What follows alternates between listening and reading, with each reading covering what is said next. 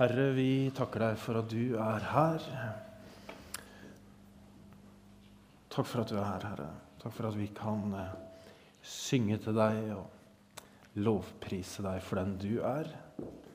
Be Herre om at du skal eh, møte oss der vi er i våre liv. Kom og tal inn i hjertene våre. Eh, og hjelp meg så jeg ikke står i veien, men at det er du vi kan lytte til. Ber om det i ditt navn, Herre. Amen. Så fint. Um, I dag jeg har et par sånne infoting først, for liksom kommer virkelig ned på jorda. Det er årsmøte i kveld. Klokka seks. Er det ikke det, fru Borge? Jo. Så der er det bare å møte opp. Jeg kaller Inger Elisabeth for fru Borge. føler det blir med. Og til onsdag og hver onsdag i ukene som, eh, eller i mars så er det bønnemøter her fra sju til åtte om morgenen.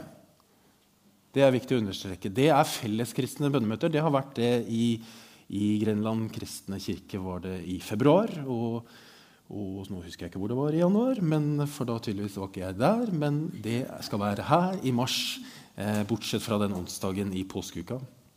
Fra 7 til 8. Da er det jo veldig fint hvis du er tidlig oppe og kan komme her og være med og be for Skien og for byen vår og for menighetene våre og osv. Så, videre. så det starter til onsdag. Fra 7 til 8. Yes. Som Birger sa, så har vi tre verdier her i menigheten. Det er da real, utadvendt og pulserende. Altså forkorta RUP. Egentlig er det pur. Men, eh, så det er egentlig motsatt, men i og med at vi liksom skal snakke om pulserende, så, høres, så, tar vi den til slutt. Så det er RUP. Eh, den forrige serien som vi hadde, som heter 'Frem til start', det var en ordentlig sånn real serie. Hvor vi var eh, kanskje modige, men reale. Utadvendt det skal vi jo være hele tiden. Eh, men så har vi tenkt at etter påske så skal vi ha tre uker med misjon. Hvor vi liksom bare skal dynke hverandre ned i et utadretta misjonsperspektiv. Eh, hvor vi skal snakke om, om, all misjon vi egentlig driver med, men vi skal ha spesielt fokus på internasjonal misjon. Så det er en sånn veldig utadretta serie. Den her er da mer pulserende. Og for oss i SMK så går pulserende det går tre veier. Minst sikkert, men det er tre veier. Det er oppover, og det er utover, og så er det innover. Eh, og det handler om å ha et pulserende hjerteforhold til Gud og til mennesker. Og så handler det om at i storfellesskapet som vi er nå, så er det liksom lovprisning og fest. Jeg føler det er mye klang på stemmen, Eivind. Eh, det klinger jo sikkert bedre for dere enn for meg. Um, og I storfellesskapet så er det liksom lovprisning og fest og høytid og liksom sånn høy puls. Og så er det lavere puls og, og, og, i småfellesskap og i mindre grupper hvor vi deler liv og vi trøster hverandre og vi deler gleder og sorger osv. Det ligger i pulserende. Um, og dette pulserende hjerteforholdet da, til Gud, det handler om nærhet. Eh, så handler det om kontinuitet. altså at Det er som, det er et, en relasjon, et forhold som vi har hele tiden. Og som vi utvikler. Og så er det et fellesskap i det mellom Gud og oss. Eh, hvor vi kjenner hans puls, og hvor han kjenner vår. For hva er puls egentlig? Det vet jo de fleste av oss. at puls er jo, altså Uten puls så er vi døde. Rett og slett. Altså Når vi ikke har puls, så da lever vi ikke lenger. Og Noen ganger så har vi jo høy puls. Og Andre ganger så har vi lav puls. Noen ganger så tenker vi ikke over at vi har puls engang. Den bare går. Eh, og Av og til så hopper jo pulsen over et slag, og det kan jo være ganske ubehagelig for de, for de fleste av oss. Men for liksom de fleste av oss da, så tenker vi ikke så ofte over at vi har puls. Den bare går. Den er der og slår jevnt og trutt. Og så handler det om at Gud ønsker også å ha en sånn levende og pulserende relasjon med deg, som går jevnt og trutt. En daglig puls hvor vi er tett på han, eh, og hvor han er tett på oss. Og så er jo spørsmålet da hvordan i all verden ser det ut? Og hvordan gjør vi det? Hvordan får vi en sånn relasjon med Gud i himmelen? Og De neste tre ukene så er det altså overskriften 'pulserende'. Og tema Vi kunne jo snakka mye om det, og det gjør vi jo snakker om i forskjellige under pulserende. Men det som vi har tenkt å snakke om nå, det er lovsang og tilbedelse som en puls. Og så blir da dette ikke en serie hvor vi skal snakke om hvilke sanger vi skal synge. Eh, hva vi liker, og hvilke tekster vi skal ha. Om vi skal på engelsk eller norsk eller samisk, eller hva det er. Eller hvor, om vi skal ha røykmaskiner, eller om vi skal ha masse lys, eller hvor høyt volumet skal være. og hvor bandet skal stå, ikke minst. Skal de stå i midten, eller skal de stå der eller her, kanskje? Vi, hvordan, dette handler ikke om det i det hele tatt, fordi lovsang og tilbedelse handler ikke om det. Noen ganger så, i livet så legger vi ikke merke til at Gud er nær. Eh, vi tenker ikke over det. Eh, vi er ikke bevisste. Det er liksom vi tenker ikke over det, vi legger ikke merke til det heller. Noen ganger er vi jo veldig bevisste. Og ikke minst er vi veldig bevisst på det når vi opplever at han ikke er nær. Og andre dager så søker vi veldig etter hans nærvær, og vi kan liksom ikke tenke oss å leve uten hans nærvær. Og så er det noen som tenker kanskje at lovsang og tilbedelse da, det handler først og fremst om det som skjer på gudstjenesten eller på Connect eller på andre møter. Når vi synger, og ikke minst når vi står. Og Hvis vi løfter én arm, liksom, så er det jo helt opp, og løfter vi to, da, da er det voldsomt. Ehm, men er det sånn? Så har jeg en liten sånn parentes som kanskje ikke er en parentes. Kanskje det er viktig, men jeg tenker at det er en parentes før jeg liksom går videre til det som er temaet i dag. For vi har en fantastisk gjeng her med sanger og musikere og lovsangsledere, som vi kaller det her i Skien misjonskirke. Og de spiller hver søndag. Litt forskjellig, selvfølgelig. Og mange spiller på fredagene. Og siden desember i fjor så har jeg hatt et sånt lederansvar for dem. Og det er jo en stor glede, faktisk.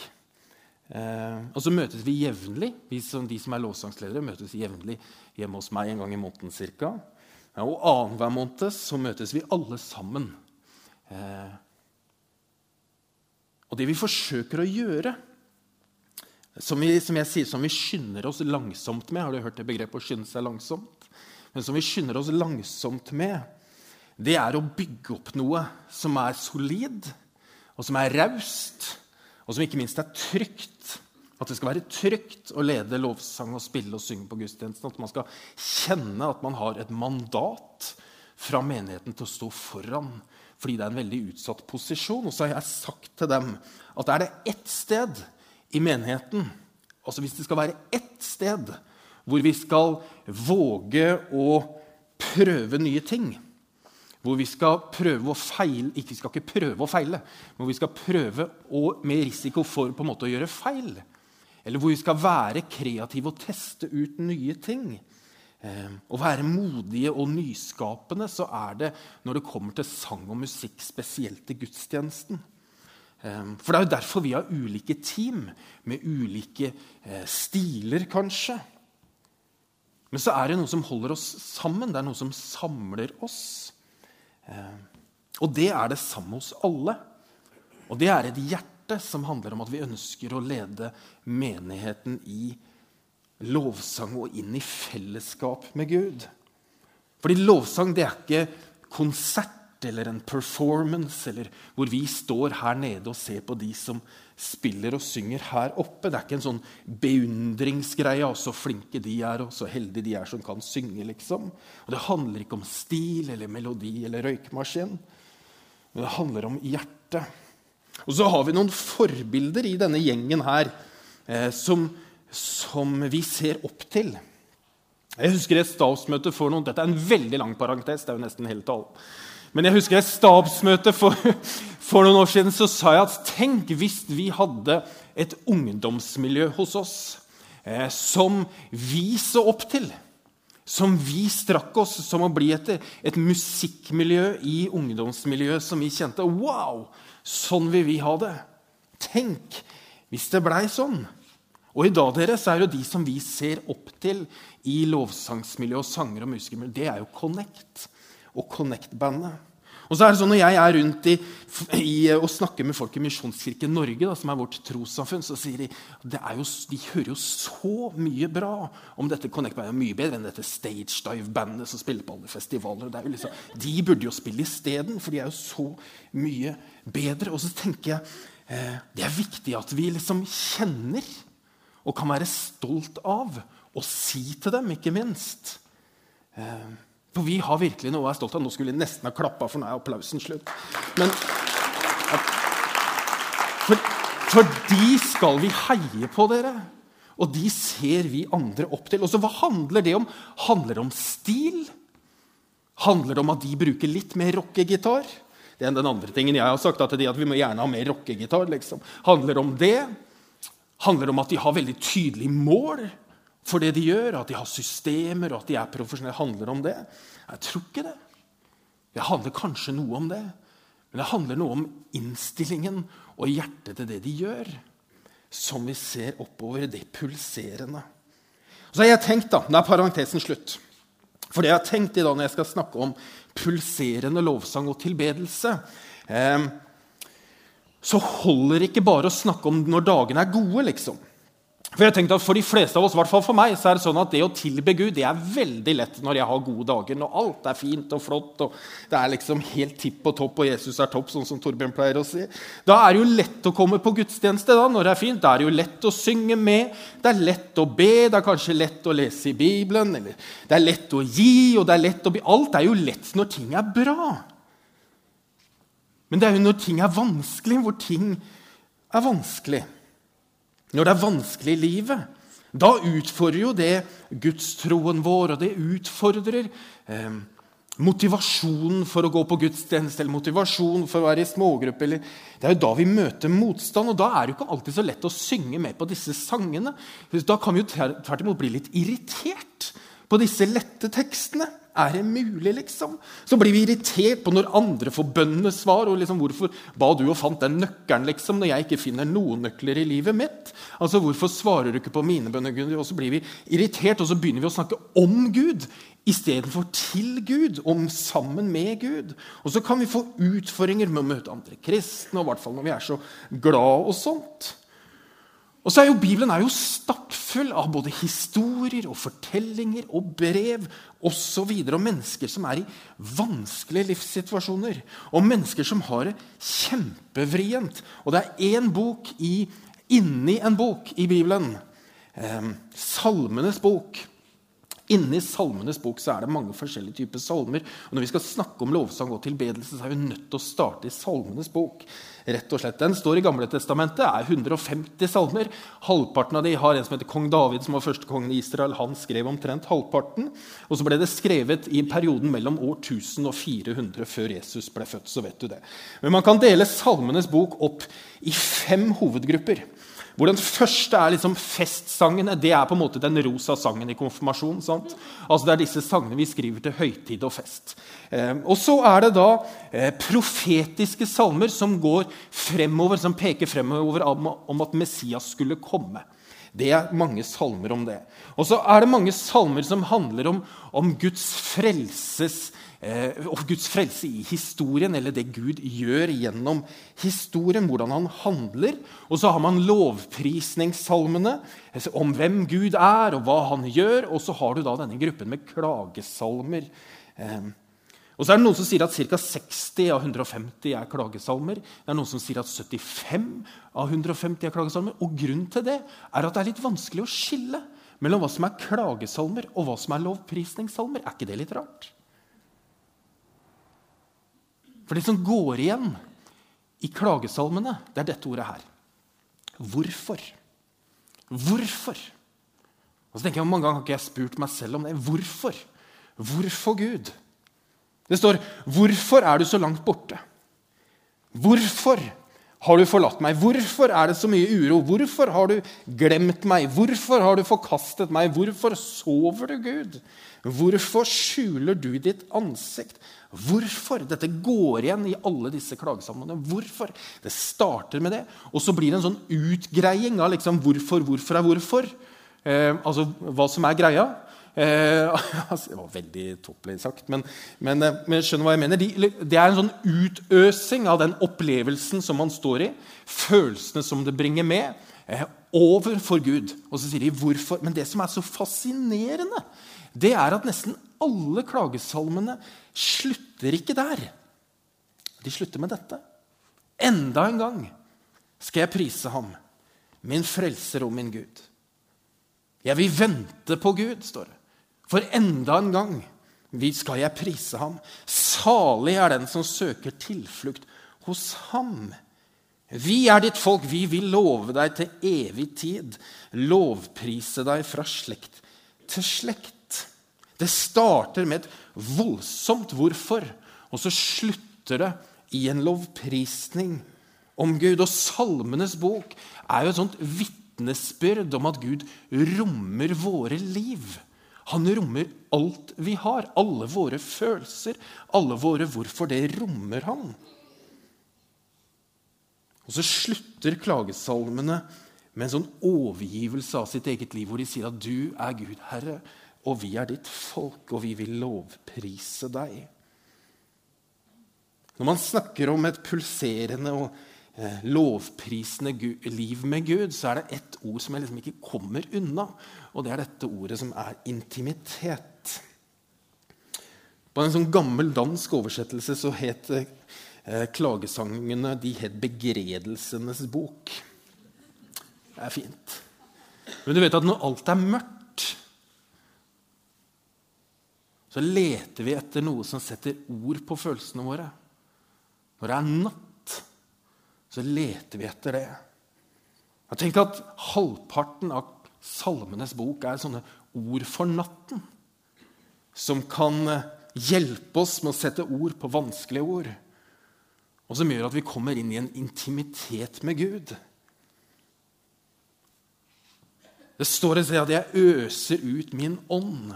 Eller 'jeg øser ut mine følelser', 'jeg øser ut mine tanker' til Gud i mitt indre liv, fordi min egen ånd den er helt uten kraft. Det er ikke mer. Det er bare mørkt. Og så ser jeg for meg av det som mitt liv som at jeg kan gå og vaske gulvet i livet mitt. Eh, og så vrir jeg kluten oppi en bøtte, og så blir den bøtta den blir skitten av alt det man liksom drar opp. Og så går jeg til Gud, og så bare kaster jeg det på han og sier at her er det. Her er alt. Her er alt jeg har i livet mitt. Og så ta det, liksom. Og så tenker jeg at det er jo det Gud vil. At vi skal øse ut og sette ord på det som er vanskelig.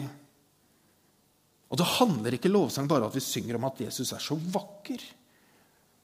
Men det handler om at vi bruker en tilbedelse og lovsang til å sette ord på sånn som livet er. Og dersom vi går inn i det rommet da, sammen med Gud, så skapes det en intimitet mellom meg og Gud. Og da er ikke lovsang bare gladsang eller gladsang, men det er jo sann sang.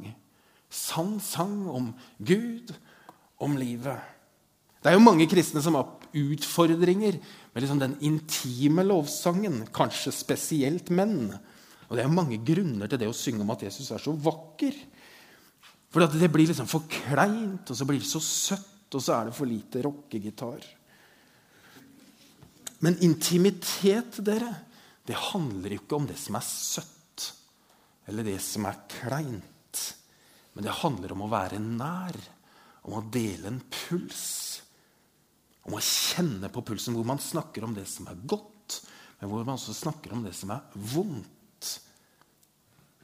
Og det å dele et sånt liv både sammen med Gud og sammen med andre er med på å skape denne pulsen. Ja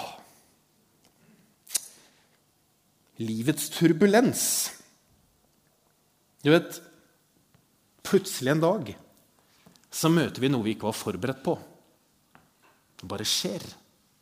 Det er en telefon, kanskje, eller det er en, en uh, ulykke eller noe vi kommer opp i som gjør at ting snus rundt, og det blir mørkt som en natt. Så har jeg opplevd noen sånne mørke netter. Og det som er på sånne mørke netter, det er jo at alt forsterkes. Har du lagt merke til det? Altså Det som var fint og bra, det blir liksom enda bedre. Men ikke minst det som er trist, det blir liksom enda verre. Man blir mer sjalu. Man blir mer mistenksom. Man blir mer sint. Man blir mer deprimert. Og hva gjør man da med disse hvorforene som da kommer opp?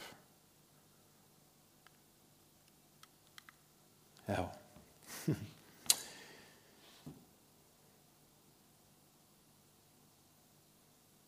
Jesus han eh, er på vei til en by eh, som heter Galilea. Eh, og på vei til Galilea så må han gjennom en by som heter Samaria. Eh, og der, når han kommer dit sammen med disiplene, så setter han seg ved en kilde som heter Jakobs kilde, som er en sånn vannkilde eller en brønn. Og Så går disiplene inn i byen, og så blir Jesus sittende ved denne brønnen. og Så kommer en kvinne for å hente vann, og så er det midt på dagen. Og det er veldig rart at det kommer en kvinne midt på dagen for å hente vann.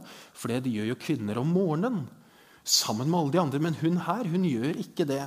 Og det er ganske rart. Kanskje hun ikke ville bli sett av de andre, eller kanskje hun, ikke, kanskje hun gikk rykter om henne. på en måte. Det får vi vite litt seinere. Eh. Men så, så, snakker Jesus til henne. Det er mye å si om det, altså, men, men, Jesus, det står dette. Da kommer en samaritansk kvinne for å hente vann, og Jesus sier til henne, 'La meg få drikke'. Disiplene hans var nå gått inn i byen for å kjøpe mat. Hun sier, 'Hvordan kan du, som er jøde, be meg, en samaritansk kvinne, om å få drikke?' For jødene omgås ikke samaritanere.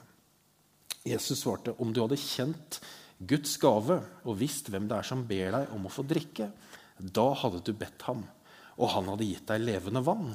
Herre, sa kvinnen, du har ikke noe å dra opp vann med, og brønnen er dyp. Hvor får du da det levende vannet fra? Du er vel ikke større enn vår stamfar Jakob? Han ga oss brønnen, og både ham selv, sønnen hans og buskapen drakk av den. Jesus svarte, den som drikker av dette vannet, blir tørst igjen. Men den som drikker av det vannet jeg vil gi, skal aldri mer tørste. For det vannet jeg vil gi, blir i ham en kilde med vann som veller fram og gir evig liv. Kvinnen sier til ham, 'Herre, gi meg dette vannet, så jeg ikke blir tørst igjen', og slipper å gå hit og hente opp vann. Og Da utfordrer Jesus henne til å gå og hente mannen sin, så han kan være med. liksom. Men så er jo dette, den mannen som kvinnen har nå, det er jo hennes sjette mann. Og så skjønner Jesus, nei, denne kvinnen at Jesus er en profet, sier hun. Og så sier hun, 'Herre, jeg ser at du er en profet', sa kvinnen. Våre forfedre tilba Gud på dette fjellet, men dere sier at Jerusalem er stedet der en skal tilbe. Jesus sier til henne, 'Tro meg, kvinne, den time kommer da det verken er på dette fjellet eller i Jerusalem dere skal tilbe Far, for dere tilber det dere ikke kjenner, men vi tilber det vi kjenner.' For frelsen kommer fra jødene, sier Jesus. Og så sier han, men den time kommer, ja, den er nå, da de sanne tilbedere skal tilbe Far i ånd og sannhet. For slike tilbedere vil Far ha. Gud er ånd, og den som tilber ham, må tilbe i ånd og sannhet. Gud er ånd, ikke i den form at han tar avstand fra det jordslige og verdslige og det som han har skapt, for han har jo skapt det. Men han går inn i det skapte med sin ånd. Og så sier Jesus Fordi kvinnen spør til slutt når kommer denne Messias, som vi skal tilbe. Når skjer dette? liksom? Og så sier Jesus, det er jeg. Jeg som snakker til deg. Det er meg, sier Jesus. Jeg er her. Det er meg, sier Jesus, for jeg er her. Vet du hva, Jesus han er her med sin ånd. Han er her med sin ånd. Han er her med sin ånd. Akkurat nå. Og så har han satt foran oss en kilde som vi ikke kan se men som vi allikevel kan gå inn i. Og så er det en sånn pulserende kilde med liv. og med en relasjon og med plass og med rom for alt det du bærer på. Fordi Jesus er her akkurat nå. Og denne relasjonen som er her akkurat nå, den er full av en kjærlighet som gir deg plass. Og som kan forandre disse mørke nettene til en lysere dag. Fordi han er her. Og det handler ikke om norsk eller engelsk eller så holdt jeg på å si britisk tekst. Men det handler om en relasjon i et fellesskap hvor vi ønsker å se på han fordi det er jeg. Jeg som snakker med deg, sier Jesus. Og den invitasjonen inviterer han oss til.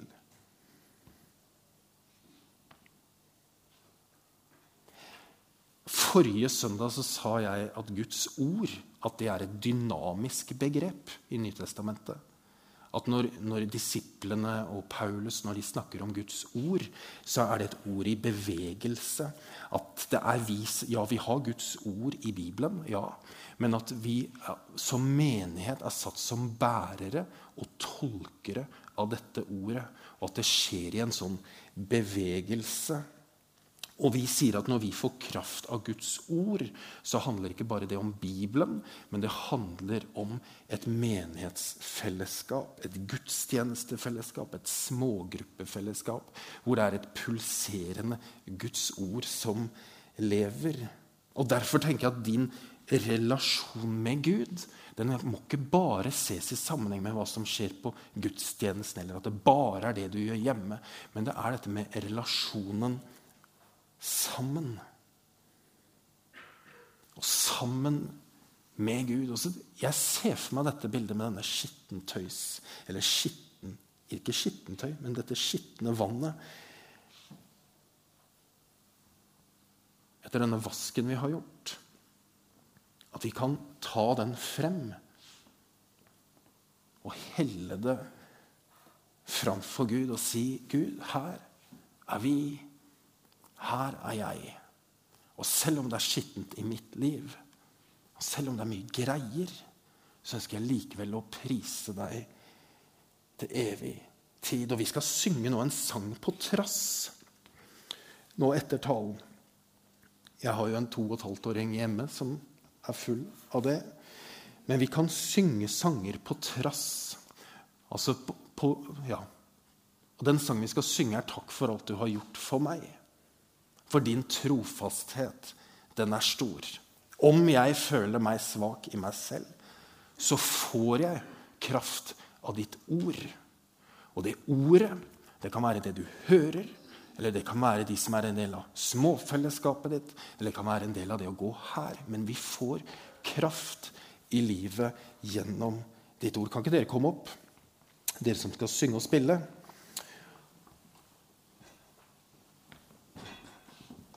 Så skal jeg straks be. Jeg skal be først. Vi ber. Herre, takk for at du er her. Takk for at du er her, Jesus.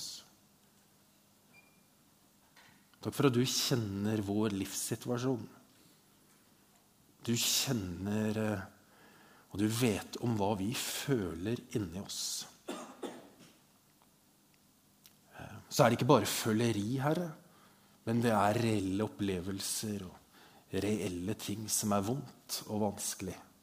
Som du vet om, og som du ser at vi strever med. Herre, så ønsker vi å legge det på ditt fang. Vi ønsker å øse det ut over deg, sånn at du kan ta imot det og gjøre oss fri fra det og hjelpe oss til å få nye perspektiver på det. Ber om det, Herre. Ber om at du skal hjelpe oss til å våge å være intime med deg og sette ord på hvorfor-spørsmålene i livene våre.